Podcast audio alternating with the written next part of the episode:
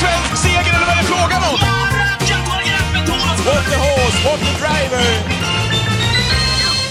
Här är den, David. Travpodden tillbaka efter en eh, semester. En ganska så lång semester som har varit välbehövlig, känner jag själv i alla fall.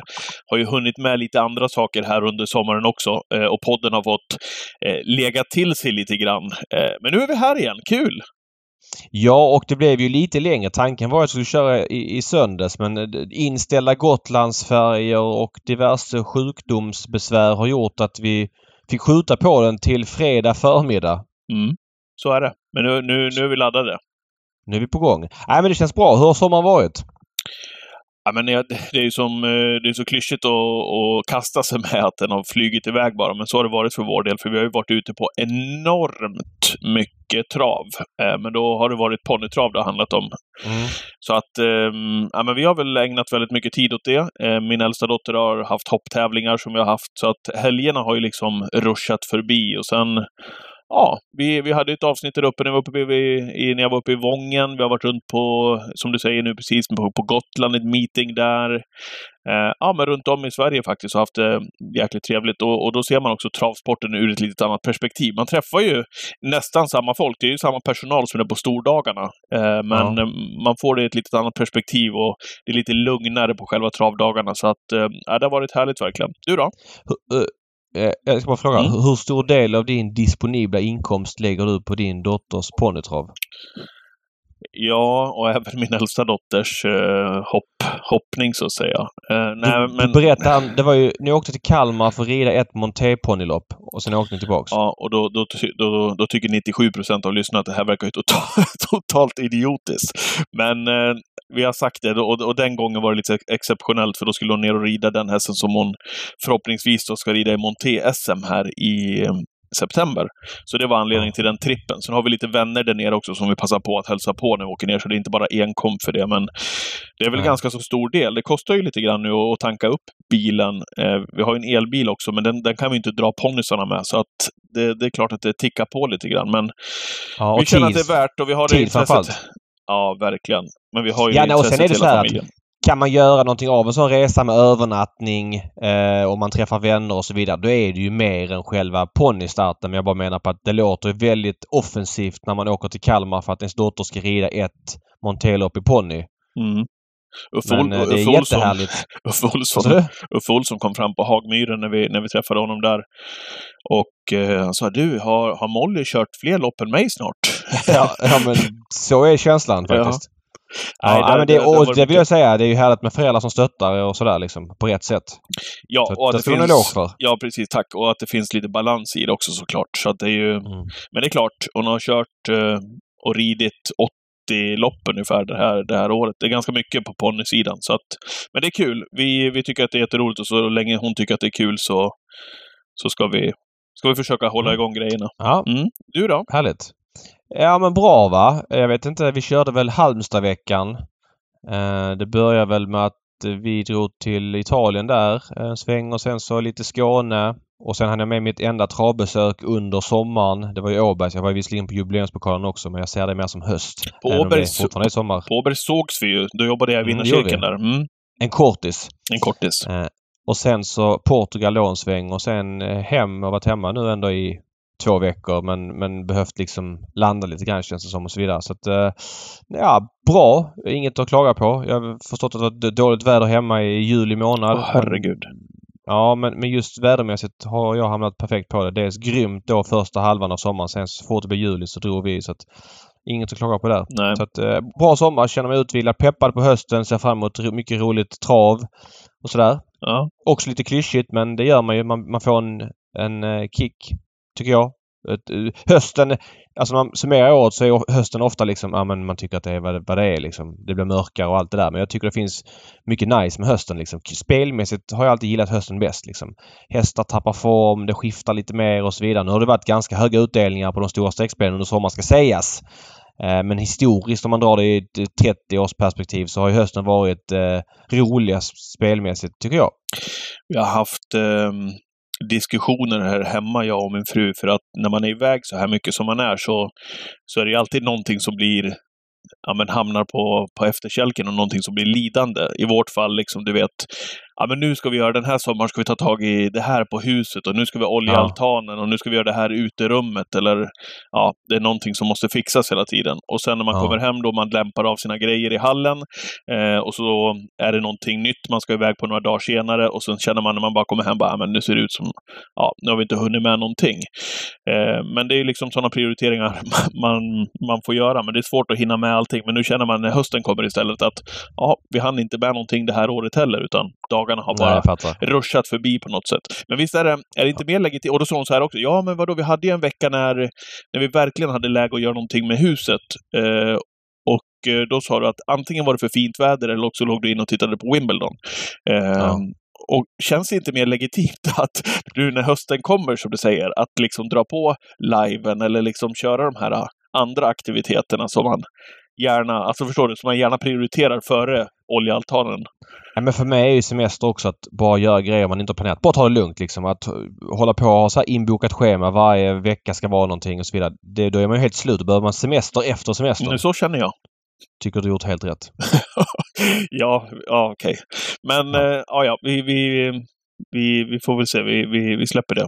Eh, Men vi har mycket nu. travmässigt att summera, det kan ja, man ju lugnt säga. och det, det är mm. kul att du säger det, för jag fick en fråga ifrån en travbesökare på Rättvikstravet här för någon vecka sedan när jag var där och jobbade. Jag har ju jobbat på semestern så att säga. Jag har ju varit ja, på Rom och Rättvik. Ja. Jobbtrav, ja, ja exakt. precis. Och även ner till Åbergs och så vidare. Men eh, då ställde han frågan, hur gör ni när ni... Eh, först och främst frågan, när kommer podden ut? Och då sa jag att mm. den kommer i mitten på augusti någon gång. Och sen sa han, hur gör ni när ni gör era avsnitt nu? Och då sa jag, det är en, det är en bra fråga, för nu när vi kommer tillbaka så har vi så mycket att prata om.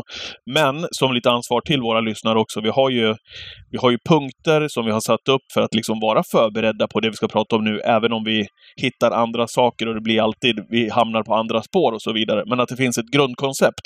Grundkonceptet den här gången är egna noteringar ifrån sommaren där vi har stolpat upp lite grann. Mm. Mm. Ska du börja? Ja men så är det och det här är liksom inte det uppenbara liksom, ja men Hail Mary vann, vann eh, Åbergs från döden. Utan det här är grejer som jag har reflekterat över, som jag skrivit ner när de har hänt för att prata om dem. Och min första punkt, ja det blir en, eh, en gammal käpphäst. Men jag är i, i, ja, men jag, jag kan, inte, kan inte förstå vissa saker och måste verkligen få dryfta det här och som ett stort problem nu. Det här börjar bli liksom på nivån att eh, ansvariga på kanal 75 måste fundera på vad som är syftet med, med att bevaka vissa travtävlingar. Eh, det finns... Eh, och, jag, och jag som har känt eh, lite tvärtom, David, när jag har dragit på liven här. Kanske mm. kan det ha med sommarmodet att göra, att jag kanske liksom inte är på alerten. Förstår du? Liksom? Ja, så är det. det är lite, men, man glider in och, och, drar på och så går man ut i köket eller ut i trädgården ja, och så vidare. Så, så, så är det i, i, många fall. Men när det är V75 så vill jag följa loppen mer slaviskt och snacket efter och så vidare. Men bara för att dela upp det. Eh, man har alltså två sändningar när man bevakar eh, travtävlingar. Man har en tv-sändning. Eh, där är det ju reklam och så vidare och där har man ju eh, ja, men man kanske inte visar lika mycket värmning eller man gör inte det och det blir lite färre intervjuer utan man fokuserar på det som är intressant. Man har ett lite bredare tilltal och det är förstår jag till 100% Och så har man ATG Live. Där är det nördigare och där är det eh, mer värmningar, mer intervjuer och så vidare. Då borde de ju kunna skilja sig. Jag tycker då att ATG Live har gått och, och blivit alldeles för likt tv-sändningen. Jag tycker till exempel inte att man... Eh, I, alltså har man under en V75-dag då tycker jag att fokus ska vara på att bevaka V75-tävlingarna. Det som händer. Det händer så otroligt mycket grejer i loppen som liksom eh, man bara släpper. Man fokuserar på den som vinner och sen så går hästarna i mål och sen är det ett reportage om någonting som är inspelat i veckan. Och, ja, jag tycker då att reportage inte ska visas i ATG Live om det inte är så att man har liksom lite dödtid. Eh, utan jag tycker att ATG Live ska fokusera på att bevaka travtävlingar. Reportaget är till för tv-sändningen. Och, eller kan man lägga upp reportaget som en playtjänst. Att köra ett V75-lopp, loppet går i mål som man skrivit i körschemat. Och efter V71 ska reportaget visas. Ja fast då måste man ha feeling att känna av att okej okay, nu hände det massa grejer här. Vi skjuter på reportaget och det sker ju väldigt sällan. Jag ska ge några konkreta eller, exempel Eller vi skiter i reportaget kanske till och med. Vi, vi, ja, vi, eller, exakt. Helt och hållet. Mm. Jag ska ge några konkreta exempel på, eh, på dåligt, dåliga redaktionella beslut som drabbar oss som tittar på trav via då framförallt ATG Live. Eh, till exempel, jag vet inte om du kommer ihåg det. Jag tror det var eh, i början på juli. Robin, eh, eller Robin Backer och Rickard N Skoglund. Robin Backer kör Milan Bocco och eh, Rickard N Skoglund kör Working Class Hero. Mm, på Valla, Det blir en, ja, blir en enorm körning. Det var alltså V868, jag tror det var den 5 juli. Enorm körning. Eh, Robin Back har ingen täckning för sin styrning. Hans häst tröttnar tidigt. Han är enormt offensiv i loppen på ett konstigt sätt. Rickard svarar ju spets. Han har ju ledningen och, och menar, han har markerat att han vill köra där och det blir liksom en utdragen körning. Sånt som händer i travlopp, absolut. Det är liksom en del av racing. Det blev fel och, och så vidare. Då måste man ju landa i den körningen som grejen. TV-sändningen bommar intervjuer med de här två. Där kan jag ursäkta TV-sändningen för att där har man lite mer begränsat med tid, framförallt i slutet efter V868. Eh, så att de är ursäktade. ATG Live. Där eh, pratar man om allt annat. Hinner dra en startlista till V75 på lördagen och bara släpper den här grejen helt. Jag, jag ringde den som var reporter, en mycket god vän och en före detta kollega. Vill inte hänga ut personen vid namn och bara frågade du, varför gjorde du inte Backer Skoglund? Det var ju helt sjuk körning i loppet. Får till svar. Jag frågade redaktören om det var lugnt att jag kunde gå. Men då blir det så här, alltså till report Alltså menar, det är ju redaktören som tar de redaktionella besluten men reportern måste ju själv känna av att det här är grejen med loppet. Jag, Alltså ser man att det blir en sån körning då är ju grejen att punktmarkera framförallt Robin Backer och Rickard Skoglund. I andra hand då när de kommer ut ur banan bara för att fråga vad som hände. Få den dramatiken berättad för spelarna som har lirat. I andra hand är det ju att prata med vinnaren. Liksom att intervjua en kusk som, som ofta inte säger så mycket. Det är ju sekundärt i ett sånt läge. Här är ju snackisen körningen. Det är för det första. Och, och för det andra, menar, i ATG Live har man ju gott om tid. Då måste man ju som redaktionell personal som sitter i kontrollrummet förstå vad som är grejen med loppet. Alltså den här aktuella dagen, det fanns ingen ursäkt att inte ta hand om det här loppet bättre. När det fanns gott om tid efteråt. Du vet där studion snackar ner. Ja men vi tar en startlista till jag på lördag. Kan, kan vi liksom. bara stanna av där eh, två Ja. sekunder? För den där reflektionen har jag varit inne på tidigare, även om det inte kanske var så här eh, tydligt då. För det, här, det, känns som självklart det du berättar just nu, eh, utan att jag följde den eh, ATG Live-sändningen. Men eh, när hästarna går i mål så kan det ha skett vissa incidenter också, som jag varit inne på tidigare. Det kan ha varit en trång situation 800 meter kvar, som kanske Ja. gör att den som vinner tog han sig ut på felaktigt sätt och så vidare. Det, Ja. att, att känna det när man sitter och följer loppen, att ha den dialogen då mellan kontrollrum och studio, oavsett vilken sändning man håller på med, eh, så är det ju när hästarna går i mål nu, oavsett vad som händer, kan vi starta med incidenten 800 meter kvar. För det är det som förmodligen fäller avgörandet i det här loppet. Ja. Alltså att du hittar grejen redan där. Det behöver inte vara en sån uppenbar körning som du har mellan Backer och Skoglund, utan att det här är grejen med loppet. Vi startar där istället för det här traditionella som jag har varit inne på 2000 gånger. Mm. Ja, men alltså- Segern gick till Bengan, Ja, Örjan Kihlström. Vad säger du Ja, om men Bengan? alltså, ex, Utan där måste du moi, liksom... Ja. Excuse moi och Björn Goop vann det aktuella loppet. Då pratar man alltså med Björn Goop som vann loppet och han säger att han är nöjd och hästen känns fin. Absolut, jag, jag älskar Björn Goop. Det finns inget för det. Men det är ju inte grejen med det här loppet. Det är ju den otroligt märkliga körningen som blir mellan framförallt Robin Backer som gör en, en, en, en idiotisk styrning. Rickard Skoglund tycker jag är mycket mer ursäktad som försvarar sin ledning men man vill ändå höra hans åsikt också. Det är ju ett exempel. Låt mig bara gå vidare. Eh, Sprintermästar-torsdagen. Jag sitter och kollar ATG Live. Eh, då eh, jag- vet inte vad som händer. Första försöket går i mål. Det finns många så här. Åh, vad ska ni göra till finalen? Blir det ändringar? Och allt det här. Det finns jättemånga liksom eh, ja, men, stories att följa upp från ett sprintermästarförsök. Även hästar som då inte gick till final. Är du i ATG Live och tittar nu? Du är ATG Live och tittar. Då kör ATG Live. Då har de tagit upp Sören Eriksson till hytten. Och Sören Eriksson är alltså en, en, en eh, får man säga att det är nestor inom travet. Han har varit aktiv i många år. Eh, och som jag förstod det så har han då beslutat sig för att sluta köra. Eller om han har slutat köra för ett tag sedan. Jag, jag är lite Ja, ja. oklar. Han, han, har kört, han har slutat för flera år sedan. flera år sedan. Mm. Men han var tydligen där i närheten och då kände liven att men, åh, vi har Sören Eriksson. Så han satte sig på Forsgrens plats i hytten. Alltså den här värmningshytten. Och så kör studion alltså en 10 minutare med Sören Eriksson. Eh, jag tycker att det finns absolut en relevans att prata om vad Sören Eriksson gör nu. Gör gärna det. Men gör inte det efter att Sprintermästaren försök 1 har gått i mål. Gör det i slutet av en tävlingsdag. Gör det då efter V86.8 när man tagit hand om ett lopp. Ja men Sören Eriksson du är här så för de som vill lyssna på det prata på och så lägg det på, på, på play som en playtjänst att man kan klicka på det. Sören Eriksson, vi, vi, det är jättebra om han är tillgänglig. Man fångar honom men, men portionera ut det där det är intressant. Att bränna av honom 10 minuter efter ett sprintermästarförsök. Det gör ju att första försöket blir helt slaktat och sen allt snack inför försök två blir helt borta också för där sitter Sören Eriksson och går igenom sin karriär och pratar om grejer som hände för 80 år sedan. Eller förlåt, 20 mm. år sedan, 30 ja, år sedan, ja, 40 år sedan. Kanske. Nej, men, alltså, och, och, det blir helt... För mig blir det så här, men vad gör de? De, de har alltså en supersports idag och så väljer att fokusera på det här nu med noll nyhetsvärde. Jag, för mig blir det liksom återigen, vad, vad gör liven i ett sånt läge när vi som sitter och följer tävlingarna eventuella lir inför andra försöket. Följ upp sporten som har hänt. Nej, då väljer man det här. Nästa jag, tror, jag tror att det var raka motsatsen i tv-sändningen, faktiskt, om jag minns rätt. Ja. Eh, jag gjorde ingen notis utav det där, men jag tror väl att det var Per Skoglund som ledde travsändningen från Aha. stallbacken ju. Ja. Eh, och det blir ju någonting helt annat än när man är i studion i, i Värtan såklart. Det blir ju... Ja, alltså, du, du, får ju du, där får du pulsen, du har hästarna, du har kuskarna. Och där, där måste jag verkligen säga att jag upplevde Sprintermästarkvällen precis tvärtom. Ja. För, för Per, han, han, han släpper ju sin position i studion och så märker han, okej, okay, här kommer den här kusken som körde så här, eller han som ska köra om två eh, lopp. Han kommer bakom här. Och så får man liksom då, då går ju Per helt bort ifrån körschemat. Det står inte i körschemat spring och ta Johnny Takter eller eh, Erik Karlsson eller vem det nu kan vara, eller Ljusepojkarna.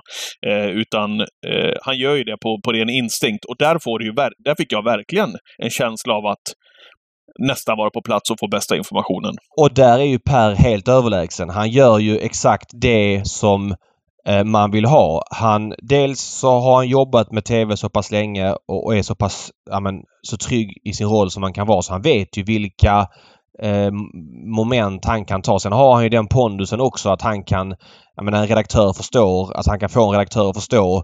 Om inte redaktören själv förstår vad som är grejen så kan han ju förklara varför han tar de här utsvävningarna. Det är ju helt överlägset när han gör det och hade jag, hade jag noterat, jag var utomlands då, hade jag noterat att ja, men det, eller var jag utomlands? Skitsamma. Uh, jag såg på live i alla fall. Då borde jag ju såklart ha sett tv-sändningen om jag fattat att det var omhändertagandet. Men nu av en anledning såg jag liven och, och, och, jag trodde att man skulle ta hand om det bättre där. Eh, så eh, där och, har du helt är det rätt. Någonstans liksom. kanske den där jag säger inte att det ska platsa heller i tv-sändningen. Ett, ett, ett reportage om Sören Eriksson eller en, ja, men det, det var inte efter... ett reportage. Nej. Det var liksom ett spontansnack med honom. Ja, exakt. Och är det någonstans var det jag skulle komma, som, där det kanske med stor tveksamhet skulle kunna platsa så är det en tv-sändning som, inte, som ska vara ja, bredare. Då måste det paketeras annorlunda. Det kan inte vara en tio minuter med honom nej. när han sitter liksom rakt upp i en hytt. Ja, fortsätt. Nej. Ja, nej men och där, där vill jag verkligen säga att där gör ju där gör ju tv-sändningen en del av livens jobb. Så är det. Och, och där ska man hylla tv-sändningen i, i, det läget. Men det är ett sånt exempel. Nästa grej. Eh, Mantorp här för några veckor sedan. Örjan Kihlström kör Faeza Set. Eh, och kör mycket offensivt mot eh, Tyler Mifsud som kör eh, Lady Beluga. Lady Beluga har alltså 10 av 10 i spets. Tyler kommer till ledningen.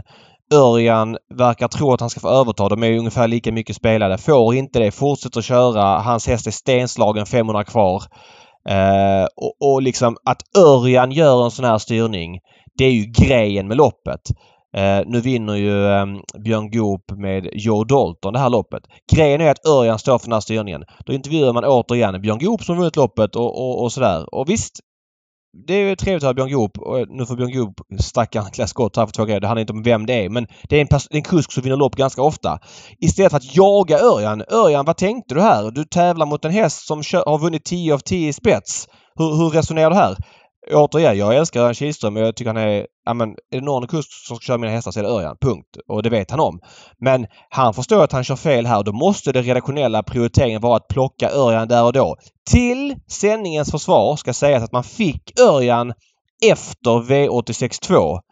För då hade man mer plats. För man körde ut ett reportage då efter mm. första avdelningen i liven som gjorde att man inte kunde ta emot, ta hand om Örjans grej. Så att lite plåster på såren där. Men det är ju grejen. Reportern måste ju instinktivt förstå via redaktören att okej, okay, här är Örjan som är grejen. Vi punktar honom.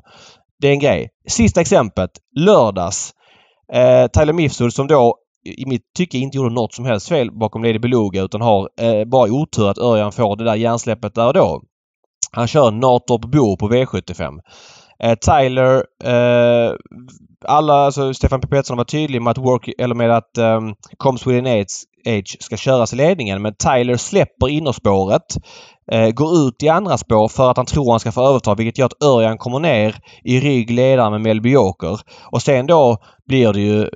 Så himlen öppnar sig när eh, Comston Edge hoppar 400 kvar och Örjan kan köra rakt fram. Och det, är klart att hade Northrop Bo suttit där så hade han vunnit loppet.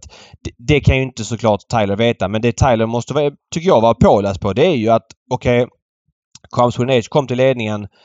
Eh, man har sagt att man vill köra ledningen. Ryggledaren på Åby är en jävligt bra position. Och, och framförallt, ger jag bort ryggledaren nu så kommer Örjan ta den annars. För han, Örjan var ju precis där liksom. Mm, mm. Så att det var liksom flera moment i ett.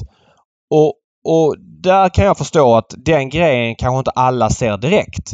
Det är inte som körningen mellan Robin Backer och Rickard N Skoglund utan det här är en grej som är lite mer finess.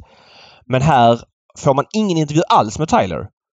Inget alls. Utan eh, man, man bommar hela den uppenbara grejen. Man nämner att Tyler gör en konstig styrning lite grann. Men man följer inte upp den. Man vill ju höra Tyler. Hur tänkte du här Tyler? Hade du inte koll på att man hade ville, ville köra Comes with an Age i ledningen?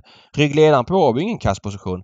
Alltså, alla kan göra missar men man vill ändå höra Tylers mm, mm, motivering. Mm. Det är också ett exempel på när saker inte följs upp rätt. Här måste de som jobbar framförallt då med liven, var mer uppmärksamma på saker som händer i loppen. För att det är liksom tjänstefel att inte följa upp dramatiken på rätt sätt. Fokusera mer på att bevaka travtävlingarna och mindre på att fylla körschemat med reportage och liknande saker. Jag fattar att sportsnacket måste in med två minuter ibland. Och, och det är inte det som är problemet. för att om man låter ett lopp gå i mål, tar hand om grejerna så finns det två minuters tid för sportsnack innan man går in på nästa lopp. Det är inte grejen. Grejen är ett fem minuters reportage som ligger kloss på att V71 går i mål. Mm. Den typen av problem måste vi tittare besparas från. Mm. Jag fattar. Ja. Mm. Eh, nästa punkt. Eller har du en punkt du vill gå emellan med? Nej, men vadå? Kör på. Det, jag, har, jag har inte lika matet. Jag har bara gjort liksom notiser, men kör på. Nej, men det här du är, ingen, ju ingen, igång. Ja, det här är ingen stor grej. Nej. Men det är en lustig grej jag har hört i många år om travet och jag, jag, kan inte förstå var det kommer ifrån. Det var i något V75-lopp där Forsgren sa eh, att det var, det var hårt i mål. Jag tror det var på Axevalla, Storchampionatshelgen. Eh, och då säger forskaren när de ska lista ut vad som är första mål. Ja men tittar man på sulkhjulen här så, så ser man att det är utvändigt och sulknäsarna och så vidare. Intressant iakttagelse. Den har ju Lelle ja. kört många år ju. Eh, Lelle och många andra har kört den med, med sulky. Jag har hört många säga den. Titta på sulkhjulen så här. Och jag har liksom alltid tänkt att ja, men, kanske är så att när de är gamla kuskar att de sitter i sulken och har det som en det är deras referenspunkt. För är det bakom en häst så är det svårt att, att se som är först i mål. Det, det, det var kanske innan bikens tid. Ja, jag vet inte. Men alltså jag bara kände så här när, när han sa det. Men bara att är man kusk och man där och då vill med ett utvisning med första mål. Ja men då kanske sulkhjulen är bra. Men tittar du lopp från sidan och ser en upploppsrepris och det är hårt i mål. Titta inte på sulkhjulen alltså. Sulken är väldigt ofta i den bakre delen av hästens kropp. Det är sällan den delen är först över mål. Så titta gärna på nosen om du kan det. För det är ett, ett jag menar bara ett, är det ett bra riktmärke? Råd, liksom. Bra riktmärke. Titta på nosen för den delen är oftast först i mål, vem som är först. Titta inte på någon annan del liksom. Eh, och det har jag hört i, i 25 år, det där med, med sulkhjulen. Men nej, titta inte på dem. De, de kan vara vilseledande. De är sällan först i mål liksom. Jag, jag fattar men, vad men, folk menar när de säger det men det är ändå in, mycket bättre att titta på nosen. Du borde, du borde, jag, jag hörde aldrig dig i, i, i lurarna när du var producent eller redaktör eh, på den tiden som sa det. Nej, nej, nej! Eh, kolla inte på sulkhjulet, kolla på nosen! Ja, jag, jag borde vara tydligare med det i så fall. Liksom. Ja, om vi var ja. osäkra, tänker jag. Ja, eh, är du klar eller? Ja, men en annan grej eh, som jag tänkte på. Eh, jag var på Jägers Åbergskvällen. Eh, trevligt. Mm. Eloge till Jägersro. Mm. De tar 500 spänn för att sitta i restaurangen. Eh, att käka där. Jämföra det med Åby som tog 1200 under Paralympiatravet och ja, Valla som då tog 895 i, i onsdags med jubileumspokalen. Då tycker jag en 500 på deras största dag är klart prisvärt och maten är bra på Jägersro. Eh, men det var inte det som var... Det var också en reflektion kan sägas. Men Jägersro körde sin en minut i startmusik med två minuter till start. Tänkte du på det när du stod i cirkeln?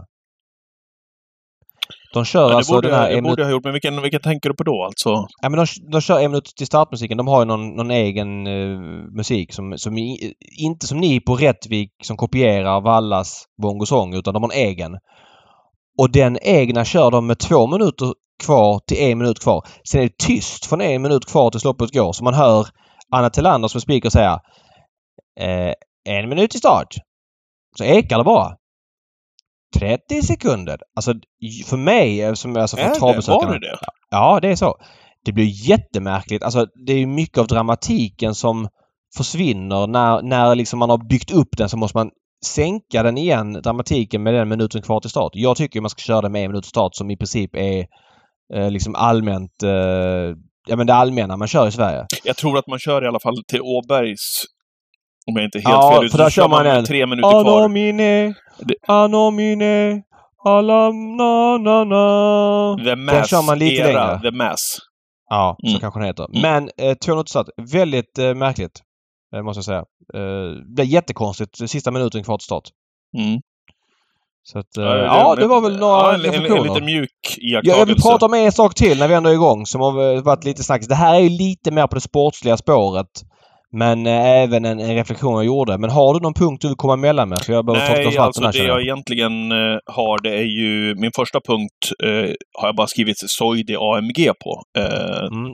och det är givetvis de prestationer som, som den hästen har gjort här i sommar. Ehm, om vi börjar Tänkte du med på när hon flög fram sista hundra här i EM för stor eller? häromdagen. Häromdagen?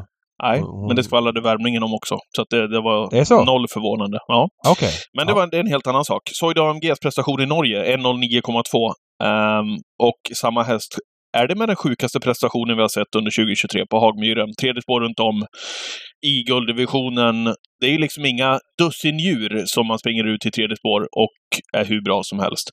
Hur bra är hon egentligen? Alltså, vad är det för prestationer vi har sett? Eh, och då efterföljande kommentarer som man kan följa då.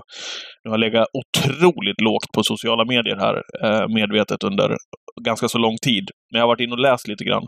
Och de e-, efterföljande reaktionerna då som då kommer efter de här eh, prestationerna som Soida AMG gör, att det är doping, vi borde inte hålla på med det här, eh, varför lägger vi pengar på spel eh, när man får se sådana här prestationer och så vidare och så vidare. Vart landar du i det här, David, när du, när du liksom ser de här prestationerna, kan följa eftersnacket kring, kring det också? Ja, men det här är en jättekomplicerad fråga tycker jag. Det är inte liksom...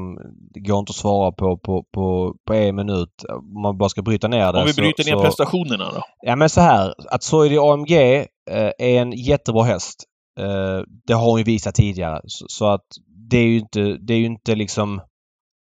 Det är inte Inti Bocco som var med i samma lopp som, som springer och vinner loppet som först i tredje. Utan det är Soidi AMG. Hon var jättebra i starten innan. Det ska sägas. Eh, sen är det så här. Hon är åtta år. Hon är ett sto.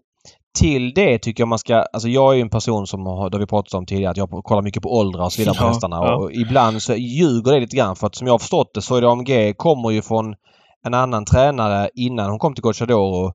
Alltså hon, hon tränades av en annan kille fram till våren till, av Lucio Bacetti Eh, tränades hon fram till, eh, ja men vad blir det då, våren 2022. Och säg då att hon är relativt obrukad. Det har varit en tränare som har kört ja, men typ snällt med henne och så vidare. Det är klart att det blir en effekt när hon kommer till Gocciador och, och, och det är klart att om hon då är sju år och knappt tagen. Det, det vet jag inte om hon är eller inte, det kan jag inte bedöma. Men om hon då är lugnare tagen och har laddats runt. Det är klart att man hon, hon är inte som en åttaåring som varit ute i, i uppfödningslöpningen, E3, derbyt och sådär. Utan då blir det lite skillnad måste man ju säga. Så, Ja, jag, vet inte, jag, jag är väl supernaiv i det här säkert. Eh, men... ja, du är ju väldigt mycket pro gul kusk. Nej, så, men, nej, så, jag är, vet du vad jag är David? Jag är väldigt mycket pro att man ska få göra bra prestationer utan att det direkt ska komma igång dopingsurr. Eh, och då tycker jag i så fall att den dagen det, liksom det bevisas, om det skulle nu vara så, ja men då, Men- då men- är det ju vad det är. Liksom. så är det. Men hur, hur det ställs du inför det faktumet att för något år sedan så plockar man ju i Gocciadoros transport eh, fanns det ju kanyler och Ja, om det, är var super, blister va? Ja, superproblematiskt givetvis. Och det är klart att Ja. en sån kille... Att en sån kille då har haft eh, de här kanylerna i sin buss, vilket då tra- travtränaren inte får ha, utan det är veterinärerna nej, som det, har det. det, det är total katastrof givetvis. Är det inte lite mer sannolikt att det finns någonting som inte går rätt till där än hos de som inte har blivit plockade med en kanyl Ja, i sin buss? Det är mer sannolikt också att, eh, och, och rimligt att det snackas mer om Gocciadoro av den anledningen såklart, på sociala medier eller vad folk tycker. Men jag, men jag kan också landa i någonstans att ja, men det, det är bara att gå till Daniel Redén där Ja, men jag har haft test i träning där eh, vid några tillfällen. Du har det fortfarande i, i Bengan bland annat. Mm. Jag ju fortfarande när jag är ute på travbanorna eh, hur Daniel Redéns hästar går och den här förbannade jävla avundsjukan som jag är så less på. Eh, hur, kan, hur kan de gå så här? Och han är helt överlägsen på den här nivån där vi har världens bästa travsport och världens bästa hållning bland travhästarna eh, med travhälsan och allting det här. Eh, hur kan han vara på en helt egen nivå på den här redan höga nivån som finns? Alltså vet du, jag blir så jävla trött när jag hör det där eh, surret runt om på travbanorna så att ja, det är... Nej men och, och jag vill verkligen ta in det här i Soidi AMG-prestationen för att jag såg nu att det snackas lite grann om att eh, Gocciadoros hästar presenterar, presenterar inte lika bra när de varit i övervakningsstall. Det är ju inte riktigt sant heller utan det finns ju flera exempel på när de varit bra i, när de haft övervakningsstall. Bland annat Vivid Vaisas var tvåa i Elitloppet 2020 och sådär. Så att, men men, om, om vi bara ska liksom, och han var grym i år också för övrigt i Elitloppet kan man lugnt säga. Eh, och uh, Gocciadoro, alltså så, här, så att det är inte Han gör väl en men- av de sjukaste prestationerna ändå i Ja, Elitloppet. i år, i, i år, ja. ja. Nej men alltså så här, och jag tycker alltså att om man tittar på hur Gocciadoro kör och han matchar sina hästar. Jag var ju mycket mer skeptisk för fem år sedan för då tyckte jag att de såg inte så bra ut. Jag tyckte, vi har sagt det här många gånger också, och, och Volling to Krass åren. De, de travar illa och, men ändå höll hela vägen in. Och, och det gör ju att man har rätt att ta med sig frågetecken runt en tränare in i framtiden. Men jag tycker hästarna numera tar slut på ett rimligare sätt. Jag tycker att det är väldigt mycket säsongens häst över hans hästar. Han maxar dem fullständigt på sommarhalvåret här. Kolla bara på till helgen. Han ska ut med Don't Say Gar i silver, ett fyraårigt sto. Alltså det är väldigt offensiva matchningar. Han kör stenhårt med dem och jag tycker känslan är att han får betala priset. Att hästarna liksom inte pallar flera säsonger. Han är ju, om man ska vara ärlig, han är ganska svag som driver. Han kör ju väldigt offensivt på väldigt fel ställen. Det är ogärna att han slickar sargen om man säger så. Och han har ju inte hästar till att slicka sargen och det är kul att han kör som han gör men jag tycker hästarna tar stryk av, hur de körs av honom då i första hand. Eh, att Soide AMG på Hagmyren vinner på 9-9. Sett till att hon gick 9-3 på Jarlsberg på det sättet. För mig är det ingen utopi mot hästarna hon mötte. Jag tycker inte att det är... Det är en enorm prestation, det är det. Men det, hade varit, det, det är inte Intiboko som gör det. Det är fortfarande en häst som har varit väldigt bra. Hon var grym när hon vann eh, storeliten på, på Solvalla Elitloppsställen när hon galopperade och bara sprang runt dem. Jag vet att detta är såklart är en nivå till. Jag förstår att debatten kommer. Jag köper de grejerna fullt ut. Men eh, nej, jag, jag tycker att för att hänga honom då, då, då, Ja, jag vet inte. Jag, jag tycker att man måste kunna sortera frågorna. Man får väl gärna resonera med sina vänner och, och bolla det där liksom. Det snacket har funnits hela tiden runt bra travtränare och så vidare. Men, men jag tycker man måste kunna hålla isär de olika delarna. Um, och sen är det så här att visst, när de går extremt bra en start för att vara jättedåliga nästa. Det är ju lite märkligt men det är också så att hon kan ha tagit stryk av det loppet hon fick Mm. eh, på, på Hagmyren. Vilket också är ett sundhetstecken. Det är värre om hon inte hade gjort det om man då ska prata liksom att de bara går. Ja, Så eh, där finns det två sidor av myntet men uppenbarligen så var hon ju inte i samma form även om hon fick ett tufft lopp här i en för stor, eh, tredje spår fram i dödens och var liksom tidigt slagen och du säger att hon värmde dåligt sådär. Det är också rimligt att hon- hon värmer dåligt. Hon har fått tuffa lopp här under hela sommaren och, rest en del liksom. Ja, det har varit hon, hon, hon värmde till och med. Det blev ju så tydligt för att, ja, nu, nu hoppas jag att jag ser rätt, men av de bilder jag såg i alla fall så, så såg det ut som att de värmde tillsammans med Black Fresh Bla- Bar. Eh, och det var i alla fall natt och dag på de två. De gick sida vid sida med varandra upploppet ner. Så att, att, att, att, den, att man kan se den prestationen ändå komma efter att ha fått de här tuffa loppen var inte helt, helt förvånande kanske. Nej men så är det. Mm. Och sen kan då vissa hävda ja men det var inget övervakningsstall på, på Hagmyren och det var det nu då med en för stor med en minut till vinnaren och så vidare. Mm. Och, och hävda att det är grejen. Ja, jag kan inte svara på det. Jag kan inte säga det. Men jag tycker ändå det finns en rimlighet att hon är klart sämre. Så att, Ja, det, det är en svår eh, fråga men, men tills motsatsen är bevisad så tycker jag, jag kommer inte, jag kommer hålla den hållningen att jag liksom utgår för att allt är fair. Ja, Eh, men, men lite så så. Eh, och som jag säger, även om det verkar naivt då, men så fort det, det går bra för en travtränare så är det alltid... Men så så har det alltid varit. surret Det var ju liksom du vet, det var allt från Melander början på 10-talet när han var tidig med jänkarvagnen och det hette att de har någon sån här ITTP. Sen var det Untersteiner när han helt plötsligt fick ett lyft. Ja, Ja, du vet, alltså det är alltid snack när det går bra för, för tränare. Mm, och- och, det kanske de- är rimligt att det blir snack. Jag säger inte det. Men jag menar, man måste ha lite mer, eh, ha hört av någon och sett någon. Ja, det kanske är så att SD är dåliga på att följa upp dopningsarbete. Jag vet inte. Men det är väldigt många människor som jobbar i travstall. Ska du hålla på och dopa så, så är det då får du liksom hålla dig i en extremt snäv krets och det kanske finns vissa som gör det. Men jag har svårt att säga att det ska de allra största stallen med så många anställda. Jag menar, det finns ju killar som Ludvig Wickman till exempel som är en svensk kille som jobbar på Gocciadors filial. Jag har svårt att säga att han skulle hålla tyst eller inte reagera på om han såg att någonting var fuffens. Som ett exempel. Sen kan man då säga ja men det där sker eh, bakom eh, lyckta dörrar. Så säger, ja, ja men då får det vara så. Jag har ingen aning. Jag, jag kan inte bedöma vad som är så och inte. Men jag kommer behandla honom som att det är eh, fair. Och vi får också komma ihåg det att Gocciador kom hit med hästar som står väldigt bra inne i, i, i många klasser ja, eh, och, och har lite pengar på sig och är väldigt välstammade från Italien. Men vi åker till Italien och köper dyrt stammade eh, hästar som är väldigt dyra. De har en väldigt bra topp där nere liksom. Och Gocciadoro är väl lite som Ja, men lite som Redén och Wäjersten i Sverige för dagen. Att de, han dammsuger upp många hästar som, som eh, andra tränare inte har lyckats med och då kan han välja de bästa liksom. för Han att, plockar inte nej. in... Han plockar inte, även om han plockar in en sjuårig Mary så i AMG så har han väl sett att det fanns saker i henne och, och kunde lista ut det. Men han plockar liksom inte in någon som han inte tror han kan förbättra. Utgår ifrån. Och så är det väl också liksom bland våra svenska bästa tränare. Så att, ja, jag, jag, vet, jag har ingen mer information än så. Nej, och det nej, är och det var, det var inte egentligen det som var...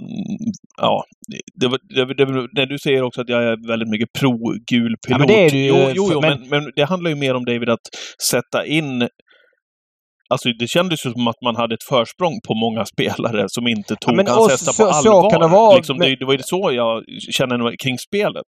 Det är ju bara, det är bara att nypa liksom, chanserna när han liksom kommer med hästar som står bra inne i klasserna och man vet att det med, eller vet, det, finns, det är i alla fall stor rimlighet att hästarna kommer prestera väldigt bra i de klasserna de är och de var inte liksom megafavoriter utan då sa ja men då är det bättre att nypa liksom de chanserna innan, innan, innan alla är med på tåget.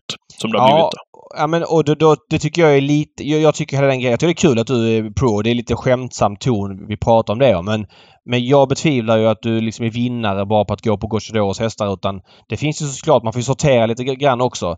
Sen är ju den här grejen inte så ny längre utan det kanske var då något år där i början när de gick väldigt bra. Man kunde få lite bättre odds kanske. Jag har svårt att säga att det skulle vara överodds på hans hästar. Min känsla är att de flesta ser det du ser och att han är väldigt påpassad. Men visst, jag hade inte en tanke på att liksom... Jag betalade Ja. väldigt lite för Soida AMG i eh, i onsdags så Ja. gick väldigt mycket på Great Skills. Ja. Och det var ju med Ja, det. vetskapen att jag tror att det kommer en liten slash här nu efter insatsen senast och det är en annan uppgift och så vidare liksom. Ja, framkom det som Så- att det, jag tyckte att jag var unik att hitta Gocciadoros hästar så Ja, var det det inte så. så, liksom. Nej, så var det inte så jag menade. Däremot så, tyckte, så gick jag ju väldigt ofta på honom. Eller ja, fortfarande också. då. Ja, ja nej, absolut. Så Mm. är det. Och det blev fel någon gång också. Läs. Zippelin, Krybar och de här. Så att, eh, det är inte så Ja, det- enkelt. det Det, är inte som att du har, du har byggt ett chateau där uppe i Leksand genom att ja, men de bara, fan har du sett Patrik? Jävlar vad han verkar ha, ha mycket deg numera. Han har byggt, han har byggt värsta huset han, Patrik han! Vet du vad som har hänt han? Ja du han, han lirar bara Gocciadoro han! Ja, precis. Han lirar Gocciadoro på travet! Exakt. Så här, det är Ja. inte så att det är en genväg till framgång som gjort dig till mångmiljonär på, på, travspel. På- att du på liksom bara pilot. kört Gocciadoros. Ja. Nej. Så funkar det inte riktigt. Så Nej. att, ja. Eh, Ja, men det- en av iakttagelserna från i sommar alltså, Soide AMG där. Eh, Mm. och, och säkert någon som ställer frågan nu också. Eh, när jag hittade upp den här värmningen som jag tycker var den här play-knappen då på ATG Live, eh, eller på ATG, så man då kan mycket bra följa eh, värmningarna, så lades ju den upp efter V75 hade startat, om inte jag var helt fel i uppdateringarna. Eh, så jag hade ju spikat Soide på ett utav mina system. Så då får du förklaringen till varför också, men nu tyckte att värmningen Ja, ja, ja. eh, skvallrade om någonting helt annat. Ja, ja. Eh, ja, men Det blev inte lyckat det, den här gången. det misslyckades, ja. Ja, den här gången. Ja. Mm. Eh, ja, men i, I övrigt så har jag väl egentligen... Jag, har ju, jag var ju i Rättvik på V75. Följde du tävlingarna Ja. därifrån? ja, ja, absolut. Och var ju där och jobbade då. Eh, jag tror jag satte ett system också. Det var kul på spel och Ja, det lekkontoret du. den Det dagen. gjorde du. Mm. Ja, jag gick eh, rakt ut den omgången på Mr Hercules. Det var då Clickbait vann för ledningen. Jag hade vunnit jättemycket pengar om Mr Hercules hade vunnit. Men eh, Clickbait, alltså det var- måste vi faktiskt säga. Clickbait var ju var bra Ja, men det, det, det är min poäng här. Det är min poäng. Eh, just med clickbait. För, ska jag fortsätta?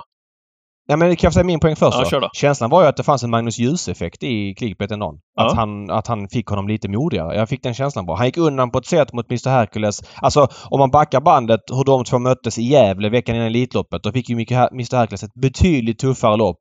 Och, och lyckas ändå liksom hålla undan för Clickbait. Ja, men lite syn på den ändå, när han har haft Pelle Lennartsson i, i sulken tidigare. Det är ju inte... Ja men, ja, men det handlar inte om att Pelle Lennartsson är, är på det sättet. Alltså, vi kan väl vara eniga om att Magnus Djuse är en enorm, har en superusp på att liksom få dem att, att liksom ta ut sig. Eller tycker inte du det?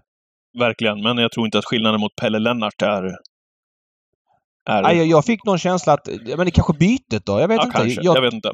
ja, Mm. nej, jag, jag fick den feelingen att han gick undan på ett sätt. Det kändes liksom klart hela upploppet ner. Det man får ge honom i alla fall, clickbait, är att det är en demonsprinter under alla omständigheter. Och det som var grejen med den där dagen var ju att det kom ju ett monsunregn alltså. Jag satt ju Ja, uppe, gjorde på, jag satt uppe på taket där och fick gå ut och eh, ta en sån här skrapa och, och liksom ja, men, totalt genomdränkt dra, dra för rutorna där eller eh, skrapa bort allt vatten som kom och ändå såg jag knappt hästarna när de sprang där ute. Eh, och det, det samlades ju enorma vattenmängder inne på banan. Man ringde till brandkåren som kom dit och eh, Pumpa ut. pumpade Ja, ur. Snyggt Den jobbat där ju. jävla pölen. Hur kan det bli en sån pöl på banan som det var? Ja, men vad fan. Har du sett hur det ser ut i Sverige under den här sommaren? Eller har varit i Ja, Italien, men he- då måste jag säga Italien så här, hela året? Jag hörde André Eklund eh, efter värmningen med någon häst. Han var nöjd med värmningen men han var orolig för pölen. Ja. Eh, för att han hade springspår långt ut och att han var rädd Ja, att han skulle köra pölen. Och det var någon häst i värmningen som hoppade över pölen och så vidare. Ja, men det, det jag, så här, ja. jag fattar att det kan bli en pöl. Men kan man inte då kommunicera? Vi kör inga lopp förrän pölen är borta.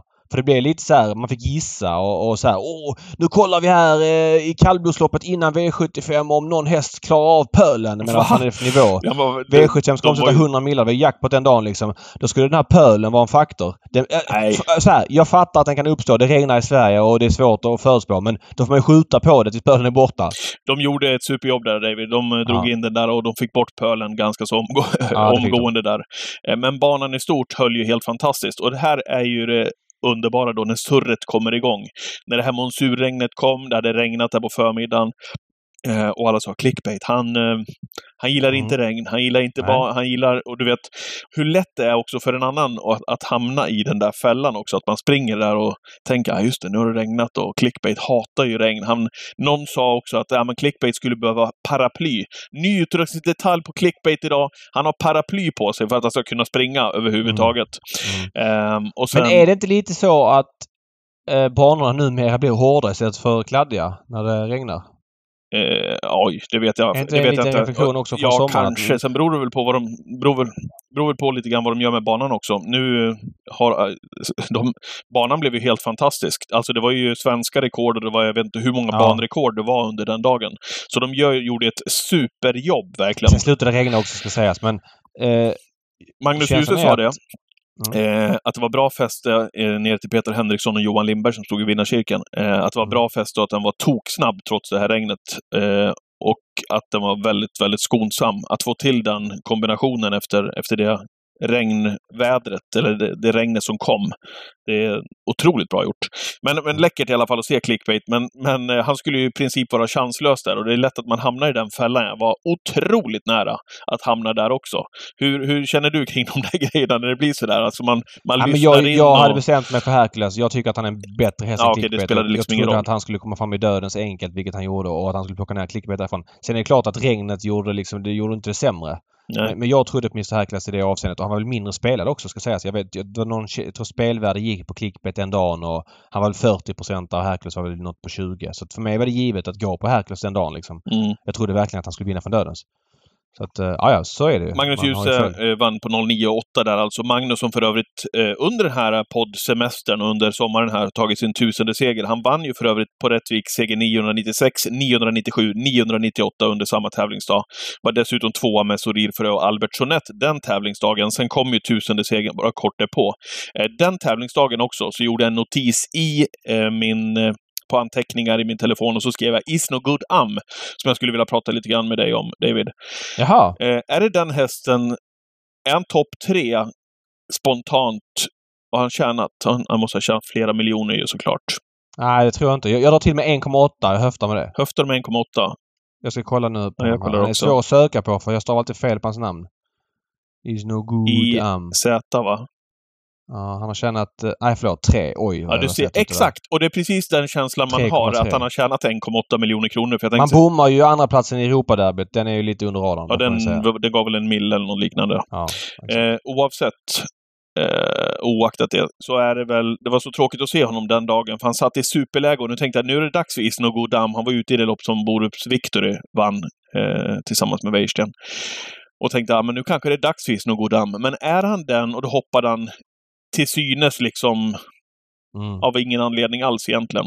Är han en av dem, är han topp tre på mest kapacitet utan att få ut det? Nu sa du att han har tjänat tre miljoner, men förstår du vad jag menar?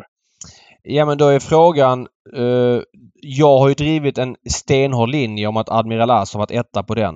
Och du har ju nästan hånat mig. Eh, vi kommer kanske med Nej, men det har väl, har, han har väl varit, han, har inte han varit given etta på den listan? Eller vad är det? Jo, ja, men det är det jag menar. Alltså en häst som har harvat i silver ganska länge och fram tills nu liksom blev mångmiljonär. Mm. Att, att, att, att, att han liksom, ja men hade tjänat runt, ja men två och en halv miljon då när han lämnar Reus träning Ja, men superbra exempel ju. som, sju, som sjuåring.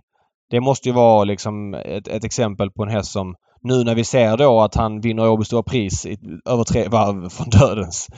Det är ju Ja, väl det är ju, det är ju en annan häst. Men ju. Isno Godam, då, då har han ändå tjänat mer pengar än eh, Admiral As. Jag tror inte Isno Godam är lika bra som Admiral As. Jag tror Nej. inte det är nära ens. Nej, det är han inte. Så att där är ett stort gap i så fall. Det är ett stort gap. Men, men, eh, och nu har han inte startat sedan dess heller, men det är så synd, för det är verkligen en häst som man tyckte tidigt om. Han radade ju upp segrarna i början av karriären och tänkte att det här, det här blir ju någonting alldeles extra. Han vann svensk travderby. Eh, eller, Vem- han vann, Nej, om? förlåt. Eh, han, ehm, han var väl med i derbyt, va? I, Du pratar om i Isno Hej- Godam? Ja, precis. Jag måste bara Ja, kolla han var här med i, det- var Francesco-kullen. ju svår- Francesco-kullen, precis. Ja, ja. Ja, men han var ju med och radade upp segrarna i början där utav Framförallt var han karriären. grym i Sprintermästaren Ja, han tog emot. Francesco så stenklar ut sista sväng och så här. Mm. Och fantastisk travare och tekniker och allt Ja, det är ju det det är. Och då bara säger man så här, kan inte bara få lossna för honom? Jag blev väldigt osäker på hans framtid efter att den här galoppen Han kom lämnade ju. Stefan. P. Pettersson efter den här senaste starten nu ju. Och eh, Stall Courant uttalade sig att de inte hade bestämt vart han skulle. Så han står faktiskt inte hos någon tränare just nu. Eller inte på någon träningslista. Nej. Han är väl på målnivå gissar jag. Okej. Mm. Om, det är hans- om det inte är något tok med honom, men det ska vi inte sitta och spekulera i. Men det var jäkla tråkigt att den där galoppen kom den dagen i alla fall. Ja, Kul! Mats ja. Sundin var där på Rättvik en vanlig måndag eh, när Borups Victory vann det loppet. Ja. Gamla hockeylegendaren som var och gästade Rättvikstravet. Det var kul. Han äger några fina hästar nu. Mhm. Ja, Boris Victor är väl helt okej får man väl säga. Men jag sa ju det, det var ju den som vann det loppet. Jo, jo, men det kommer ju... Alltså han visar ju väl ändå två nivåer till i jubileumspokalen. Mm, verkligen. Ska vi ta de storloppen över sommaren? Bara liksom dofta över dem, nämna dem, säga vad som var grejen med dem. Kan vi starta då när vi ändå är inne på Ljuse, pojkarna? Ska vi starta med Sprintermästaren? Det kan du göra. Varsågod. Vem vann? Hustle Rain. Mm. Eh, Och, en häst du är väldigt tidig med att lyfta, ska Ah, kul, eller hur? Mm. Ehm, såg ju honom, ska kolla här, otroligt tidigt i karriären. Var det första eller andra starten han gjorde i Rättvik och hoppade bort sig, tro. Ehm, hur som helst så fattade jag tycke för hästen. Sen var han ju ut, eh, gjorde några riktigt bra prestationer. Han vann väl på Valla där något lopp. Var, ska vi se.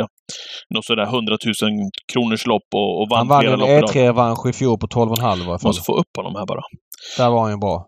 Förra året. Eh, Ja, precis.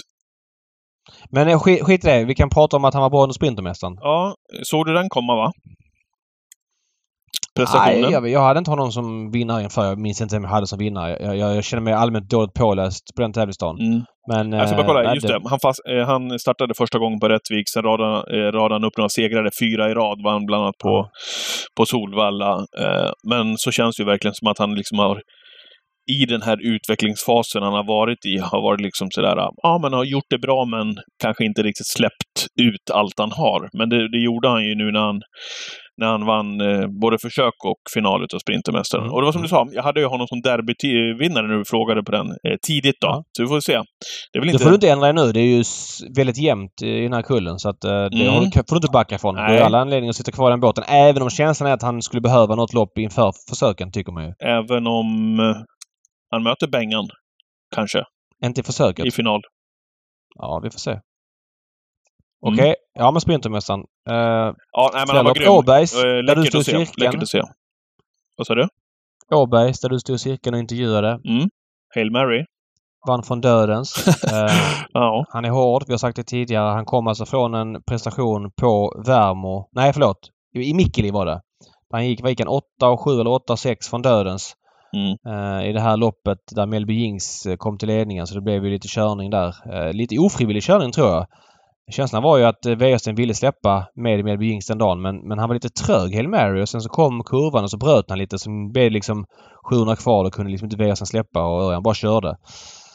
Och, och då var han ju enorm som tvåa på 8 och 6. Men ehm, ja, vann det loppet gjorde väl Hiro Bukova som spurtade förbi. Just Men det. så kom han ut i Åbergs och gled fram i döden. Så Örjan kör ett perfekt lopp där när han kör till efter att startrustningen har bedarrat. Han säger att det är Ultion Face i ledningen. Det fanns ju risk att Vivid Weiss Ask kunde sitta där men när det var Ultion då bara kör han fram Örjan och kontrollerar loppet och hästen vinner ju väldigt säkert från döden. Så ja, han är grym helt enkelt. Helt fantastisk. Han har väl ett makalöst facit där, Redén och Kihlström, i just Åbergs eh, också. Men eh, han Men presenterar... alltså Örjan har alltså vunnit Åbergs fyra år i rad med fyra olika hästar. Sätter du de fyra, du har ändå stått i cirkeln varje år. Du vet ju hur dåligt minne jag har ju. Du sätter inte dem nej? Eh, Hail Mary, Ja. Don Fanucci. Ja. Eh, det måste ha varit något mer. Eh, När... Eh, ja, du tänker Propulsion måste det ha varit där också. Men Nej, den, den, nej, nej. nej. Det är också troligt att- att han är en av dem. Francesco... Uh, vänta nu. Nej, Francesco har vänta, inte vänta, Åberg. vänta, jag tänker nu. Don Fanucci. Det måste ha varit åt Redén väl? Ja, en till är hos Redén. En annan en Fy fan tränare. vad uselt alltså. kan inte avslöja tränaren för Jag har stått, jag har stått i vinnarcirkeln i 18 år. Och intervjuat dem. I, i, i, I rad och kommer aldrig mer få stå där. Nej. Nej.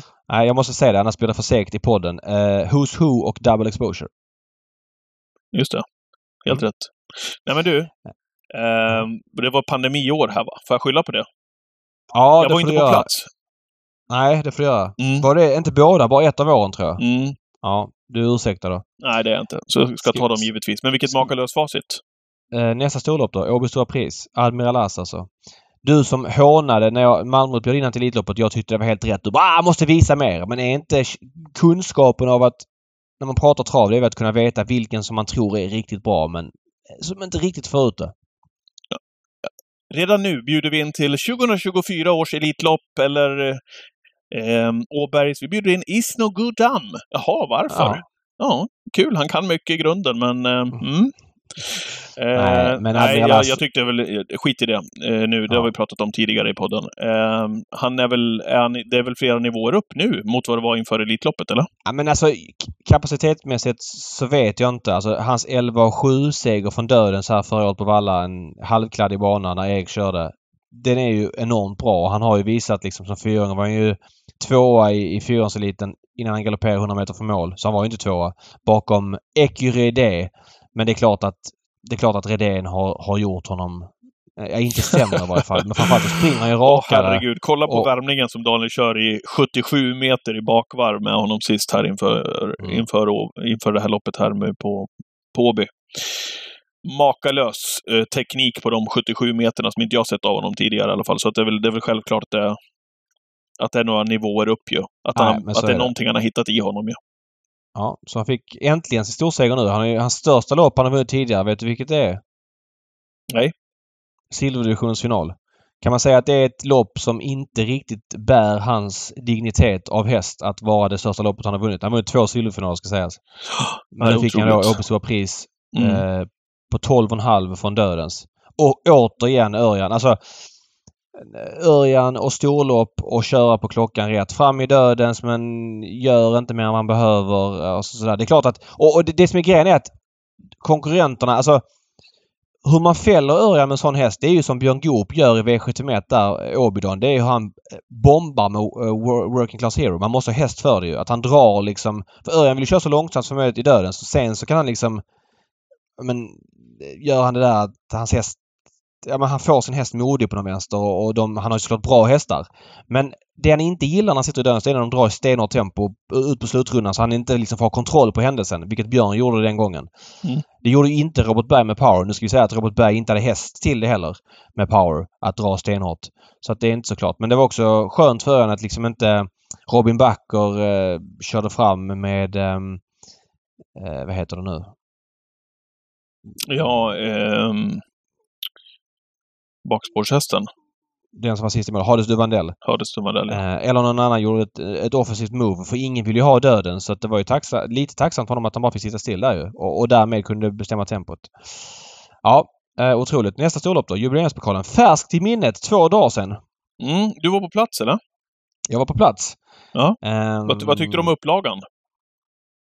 Ja men eh, jag tycker ju alltid det här loppet är väldigt roligt. Jag tycker att det blir alltså som sen Stenby gjorde här till ett femårslopp var det 2009 var det första upplagan tror jag. Mm. Så har ju det här alltid varit ett lopp som man gillar. Det är klart det finns bättre och sämre upplagor men många storlopp är ju liksom upprepningar på samma hästar som har mötts. Det blir det ju aldrig i, i, i jubileumspokalen för att det är bara femåringar. Eh, kändes väl kanske lite ojämn på förhand där vi har en, en häst som är exceptionellt bra i Francesco Zet och så kanske övriga kullen då är ja, lite sämre eh, än kanske en vanlig... Två, eh, snitthästen på topp 10-hästarna i kullen är väl lite sämre eh, än en eh, average-kull. Då bortsett Francesco. Snittet när Örjan Kihlström kör en favorit ifrån innerspåret och att han drar i högertömmen nästan innan starten går. Eh, alltså, han... Eh, när han kör såna här hästar när han är på Men han gör, gör han verkligen det innan starten går? Jag har nej, kolla nej, på det där. Nej, nej, men kanske inte. Men han är ju, han är ju så otroligt på alerten när det, när det vankas storpengar. Och sen medan han kanske kör en favorit på, ja men missförstå mig rätt, V86 eller V75 eller vad som helst. Mm. Då, är det, då är han inte lika pigg. Då kan han lika gärna ta ryggledaren eller tredje in, även om han kör en favorit. Men i de här loppen, då jävlar, då, då smäller det grejen alltså. Ja men så är det. Och eh, jag vet inte vad jag ska säga. Han, han går ändå i andra spår. Eh, bortsett eh, en kurva. Han går i tredje spår. Och eh, han vinner. Eh, ändå på ett bra sätt. Jag läste lite folk som skrev att han fick dra tussarna Örjan och det är då ett svaghetstecken. Det ska han inte behöva mot de här hästarna men han vinner på 10,5 från Dödens. Great Skills då, där har man ju såklart lägre förväntningar än för. Hon är jättebra i sitt lopp. Hon vinner på 10,9 i ledningen och han går alltså i andra spår och en kurva i tredje spår förväntningarna på honom är ju skyhöga. Han har svårt att överträffa sig själv när han vinner ett lopp mot de här hästarna utan han måste ju mot bättre motstånd för att man ska liksom få den här aha-upplevelsen. Men jag måste bara säga Borups Victory alltså. Wow! Mm. Barfota runt om och jänkarvagn. Snacka om eh, att han var bra. Han är alltså knappt i bild, 700 kvar och är tvåa i mål. Ja, Eh, eh, skiva som eh, re, hela tiden snurrar hos oss här. Som är, ja. ja det, det, det, det, blir mer och mer tydligt tycker jag att det är Daniel och Daniel som kör racet ja, snart. Det, det är ju så. De kör. Det känns som att det börjar bli... Alltså Timo då som vi pratat om. Visst, han kommer ha... Jag tror Timo kommer vara med och fighta som kriteriesängare. Han har riktigt fina treåringar. Men i övrigt tycker jag inte att det lossnar för honom som det har gjort tidigare. Dels ser vi det i att han har mindre häst och mindre inkörda pengar men ja, det känns som att det inte är samma nivå rakt igenom. Men, men treåringarna de har en bra snurr på. Där tror jag han kommer dyka upp. Men även om han vinner kriteriet kommer han inte vara nära fjolårets pengar inkört. Nu var det klassblandning men, där också, där Felicia Sett vann i... Eh, ja, det var det. Men herregud vilket intryck på henne alltså. Det är väl mm. oryckta norska, det är väl oryckta tussar och det är väl... Alltså... Ja, det, och jag, jag hör, man hör ju också på Örjan och, och Daniel när man pratar om henne. Mm. Vad, vad det finns i Felicia alltså. Efter att hon har haft lite, ja, men lite småbekymmer tidigare under karriären också med vissa saker så eh, är ju det här på väg att bli Ja. Är det Nej, hon är, är grym. Är som... vad, vad säger vi om Francesco Zet? Han är ju en liten vattendelare. Jag upplever lite grann två olika saker. Dels är det de då som inte är lag Redén. De, de verkar inte vilja ta till sig honom. Han kan vinna på alla möjliga sätt från alla positioner men ändå så måste ja, han bevisa vad, mer. Ja men vad ska han mer göra då, David? Nej, ingenting såklart. Nej. Och, och, det, inte, det, det handlar ju om att vi är... som bedömer, vi bedömer ju... När, när, vi tror att han är något extra då, då bygger man in, lägger man in Redéns hyllningar runt hästen, vad han känner. Eh, men du lägger även in intrycken över mål, sättet han har vunnit loppen på och så vidare. Det är klart att man kan säga att kullen bakom honom inte är den vassaste. Samtidigt har han vunnit på... Alltså att, att vinna de loppen han vann som fyraåring. Att vinna Kungapokalen, att vinna Sprintermästaren, Derbyt och Breeders. De fyra loppen. Alltså att orka över den säsongen. Har du inte bevisat att du är en exceptionell häst då men vad är det då som gör en exceptionell häst? Sen, sen så menar vissa att ah, han kommer att få pisk i Prix. Han måste slå fransmännen först. Jag menar, ja, men Säger man så att han vinner inte Prix d'Amérique. Det är inte som att du sticker ut hakan. Vad är oddset på att han vinner Prix d'Amérique nu ett halvår innan? Säg att han satsar på Prix d'Amérique. Vi vet att han satsar. Vad ska han stå i? Vad är rätt odds? Korrekt odds, inte vad du vill spela till. Jag säger 7-8 gånger kanske. Ja, jag drar till med det. Uh, och, och, jag menar, då är, vinner då inte Prix d'Amérique, då har liksom de som då inte tror han vinner spelat en 1-10 favorit och kan då säga ah, vad var det jag sa och han vann inte liksom. Så det blir lite larvigt det där. Nej. Det, det är ju inte en sån häst heller och det är inte en sån tränare och kusk som, eh, och framförallt inte individ som häst, som eh, gör de här Going Kronoslut för Colgini-uppvisningarna och skickar liksom 300 kvar och vinner ja. liksom på att verkligen visa hur bra han är. Det finns ju ingen som helst vits i det.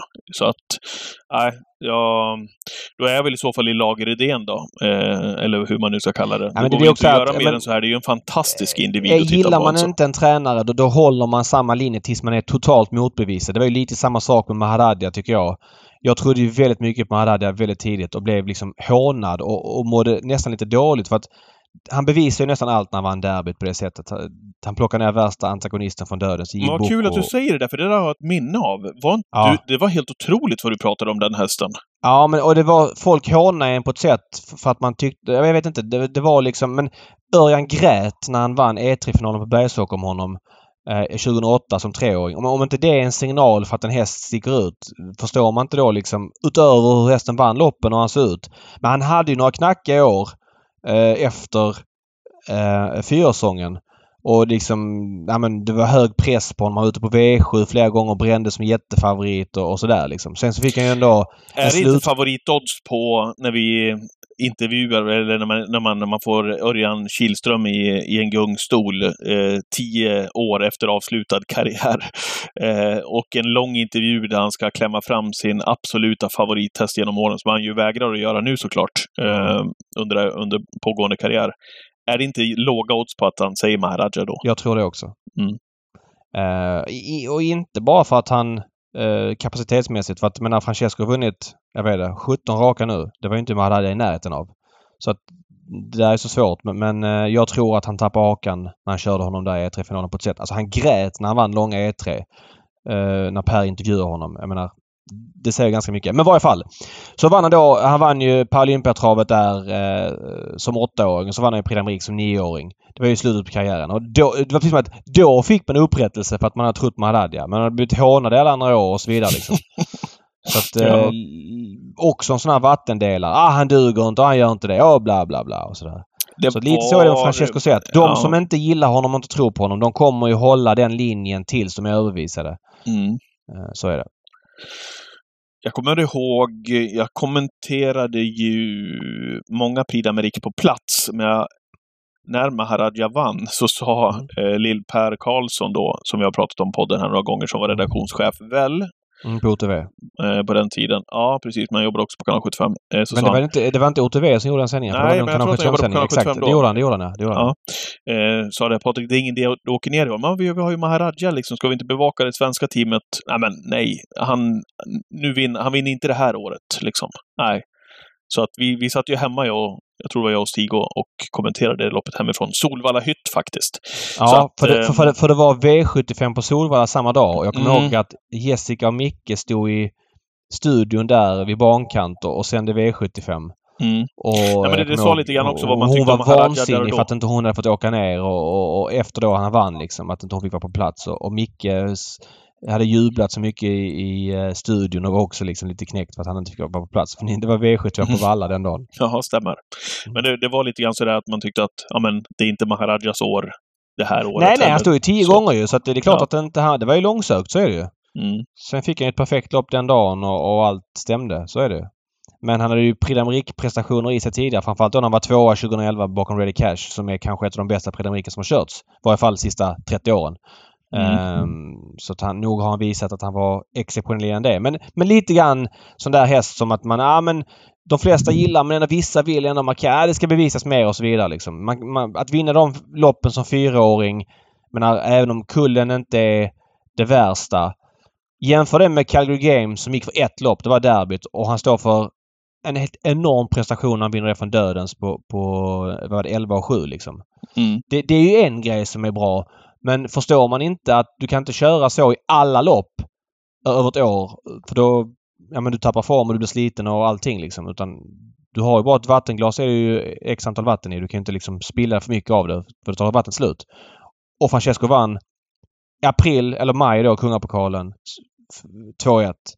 1600 Sprintermästaren från Dödens i juli. Derbyt 2-6 i september. Och så Breeders 2-1 i november. Alltså över hela året. Mm, mm, mm. Nej, det, det, förstår man inte att det är något exceptionellt i sig. Visst, det var ingen av dem kanske som var en, re, en eh, Calgary Games-prestation även om han var grym i derbyt sista 800 när han plockade ner Luleås Boko. Då, då tycker vissa att ah, men då kan de inte förstå liksom den jämförelsen. Så upplever jag det i alla fall. Så vi får se framöver eh, hur Ja. det går. Ehm, var du på auktionen också förresten? Ja, precis. Eh, Yearling Sales. Jag var där i tisdags. Det var väldigt trevligt. Jag tycker det är bra uppstyrt. Lite problem med ljudet men det är ju kongressen som har haft lite strul med ljudet till och från. Men äh, bra upplevelse, bra uppstyrt och eh, bra käk och allting. Det väldigt många travansikten man träffar och så vidare. Så det, var, det var kul att vara där. Mm. Köpte du häst? Eh, jag köpte häst faktiskt. Jag köpte in mig... Ja! Eh, jag köpte in mig... Style Mary ropade in eh, McGuffin. Jag hade snackat med, med Medi då som är frontman i Style Mary. Vi snackade om att vi eventuellt skulle bjuda på några stycken och vi bjöd på några hästar som vi inte fick. Eh, och, och sådär. Men sen så mm, var inte jag riktigt med när han bjöd på McGuffin. Eh, så här, stammen jag, jag hade inte gjort, gett grönt kort för att jag skulle vara med på den men sen så kände jag att eh, det var så många intressanta faktorer och att han är efter som jag tror väldigt mycket på som avelshingst. Vad är det för Nej. mamma på McMuffin? Uh, McGuffin.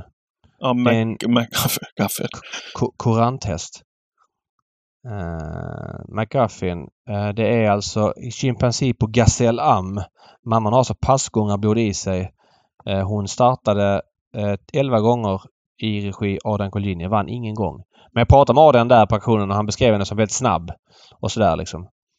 Eh, men det, för mig är inte det, alltså det där tycker jag är överskattat om hur mammorna har tävlat. Det intressanta är ju stammen på dem, hur de var och hur tidigt de gick till avel. Det känns ju intressantare än att hon liksom startade 100 gånger och vann 50. Så att vi får se. Eh, McGuffin ska till Daniel Wäjersten så småningom. Eh, jag är med på en liten del där. Han var ganska dyr. Så att eh, vi får se. Det blir, Ja. det blir smygen på honom. Ja, verkligen. Vad roligt. Mm. Eh, ja, David. Eh, ska vi försöka någonstans där att eh, nöja oss för nu, eller? Vi är igång igen nu. Vi är igång igen. Vi är tillbaka. Är du med på streamen i, i, imorgon förresten? Det är Romme. Du brukar köra från hytten då? Ja, men det är väl klart. Ja, det Nu, var. nu är vi i full gång igen. Nu, är det Ja. liksom, nu, nu finns det inga ursäkter längre. Nej, nu är det färdiglekt. Mm. Eh, 13.00 streamen lördag. Då tar vi allt Rommesnack där så skippar vi det eh, idag. Det blir väldigt kort tid också så att vi kör V75 13.00 på Twitch. Har så kör vi- Ja, förlåt. Ja. Hiss och diss va? Ja, visst gör vi det, va?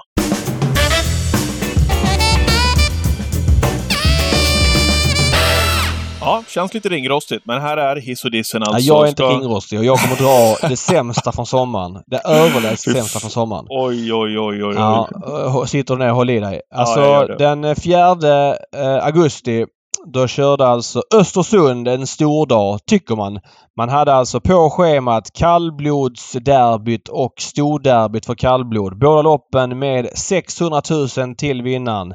Vad gör Östersund, Svensk Travsport och ATG åt det här? Jo, man saxar bort hela dagen i V64 Express mot Boden!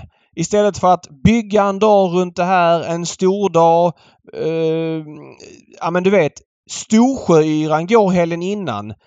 Varför inte lägga det här på Storsjöyran och få folk kombinerat från travet? Travet kan ha ett tält nere på yran. Då säger säkert någon gök. Ja men det ska gå i augusti. Men vad fan flytta det en halv vecka tidigare så att man får liksom lite bass runt dagen. Man kan bygga travsporten, kommande stjärnor etc. Hur kallblodsföreningen Sleipner kan gå med på att deras största unghästlopp körs som saxtrav. Jag fattar ingenting. Hur Östersund kan acceptera att man saxar bort en stor dag. Jag fattar ingenting. Bergsåker saxade ju förra året den här Open Trot-fredagen men det gör man inte i år. Eh, vilket är helt rätt såklart. Här borde ju Östersund agera till nästa år. Hur det har blivit så här... Att ATG skiter i det, det förstår jag för de skiter i sporten. Men SD och Östersund måste ju ta tag i det här. Framförallt Sleipner också. Man kan inte saxa bort de största dagarna. Det är de som bygger travet. Flytta några dagar tidigare, lägg det under Storsjöyran där på, på fredagen och knyt ihop det med yran. Det måste vara helt perfekt tillfälle. Uselt! Mm. Ja, det var ord och inga ja, visor. Det är så korkat så jag orkar inte ens. Nej. Alltså det behöver inte vara en V75-dag på en söndag. Det kan vara en V64-dag. Jag köper det. Men man kan paketera det på ett vettigt sätt också. Jag Hela fattar. eventet liksom med Storsjöyran. Ja. ja. Eh, vad har du gillat E3 som har körts på mina banor, säger jag. Mina banor. Våra banor här uppe i, i ja, men det har varit samma upplägg här genom alla år. Vad, vad har du tyckt om E3 här på sistone? Jag tycker E3 har liksom... tappat i status generellt sett. Ja, visst har det gjort det. Och ja. i början så var väl det någonting som verkligen var hypat och ja, någonting ja. som man... Ja, men det är E3, ska vi åka och titta liksom? Det var ju, det var ju superstort ju. Men, men det har ju tappat också, och det har ju tappat med eh, anmälningar, det har tappat eh, dignitet överhuvudtaget får man väl säga, i och med det också. Det har känts lite Ja, det, har inte, det, det, har inte fått alls den status som jag tycker att det hade i början. Men nu gör man ju en ändring på E3 eh, och det är ju i att gå i helt rätt riktning tycker jag. Eh, förhoppningsvis då med eh, fler anmälda genom eh, det här systemet eh, och så småningom en bättre final också. Ja, men framförallt korta E3 liksom eh, är det ju eh, som går på Romme imorgon och, och istället för att ha försök och final över kort distans. För det gick ju så långt att det bara var jag tror det var under 24 anmälda här för något år sedan till korta E3. Så det var två försök bara. Det gick mm. ju sex i varje till final. Uh, vilket var liksom, ja men det säger Nej, ganska det mycket. Inte, det är inte syftet från Nej, början. det är inte syftet. Och nu har man då skippat försöken för att då slippa hästarna gå ut två gånger över kort distans. Uh, utan man kör som en... Man delar upp de anmälda hästarna. De tio Precis. bäst sidade eller vad det är med, med mest... Bäst sidade blir det. De går ut i finalen. Och sen då har man liksom en, en stege. De tio där under de möts i någon eh, som heter E3 chansen och de tio sista möts då i en sista och i dem då är det 100, 225 eh, till vinnaren. Eh, och det går som lopp 1, 2, 3, 4 på lördag. Så det är grym sport på Romme innan V75. Jag tycker också det här. bra, bra hiss Patrik. Jag tycker det här är jättebra.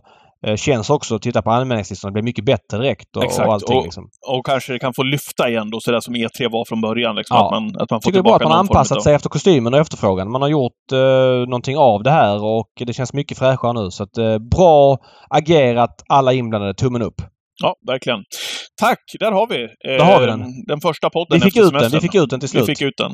Eh, vi tackar alla lyssnare. Vi tackar för att ni har varit så idoga också här under semestern och frågat när kommer podden? Nu är den hos er. Och så är vi tillbaka igen med Twitchen imorgon 13.00. Jag är på plats på Romme. Eh, systemen kommer ut precis som vanligt på spel och lekkontoret. Och vi är tillbaka med en ny Travpodden nästa vecka. Då får vi ja. se vad det handlar om den gången. Och då är vi mer i ordinarie gäng och att den kommer ut typ onsdag, torsdag. Vi får se lite grann. Och det här är en podd av The Gambling Cabin. Vi håller connection. Hej!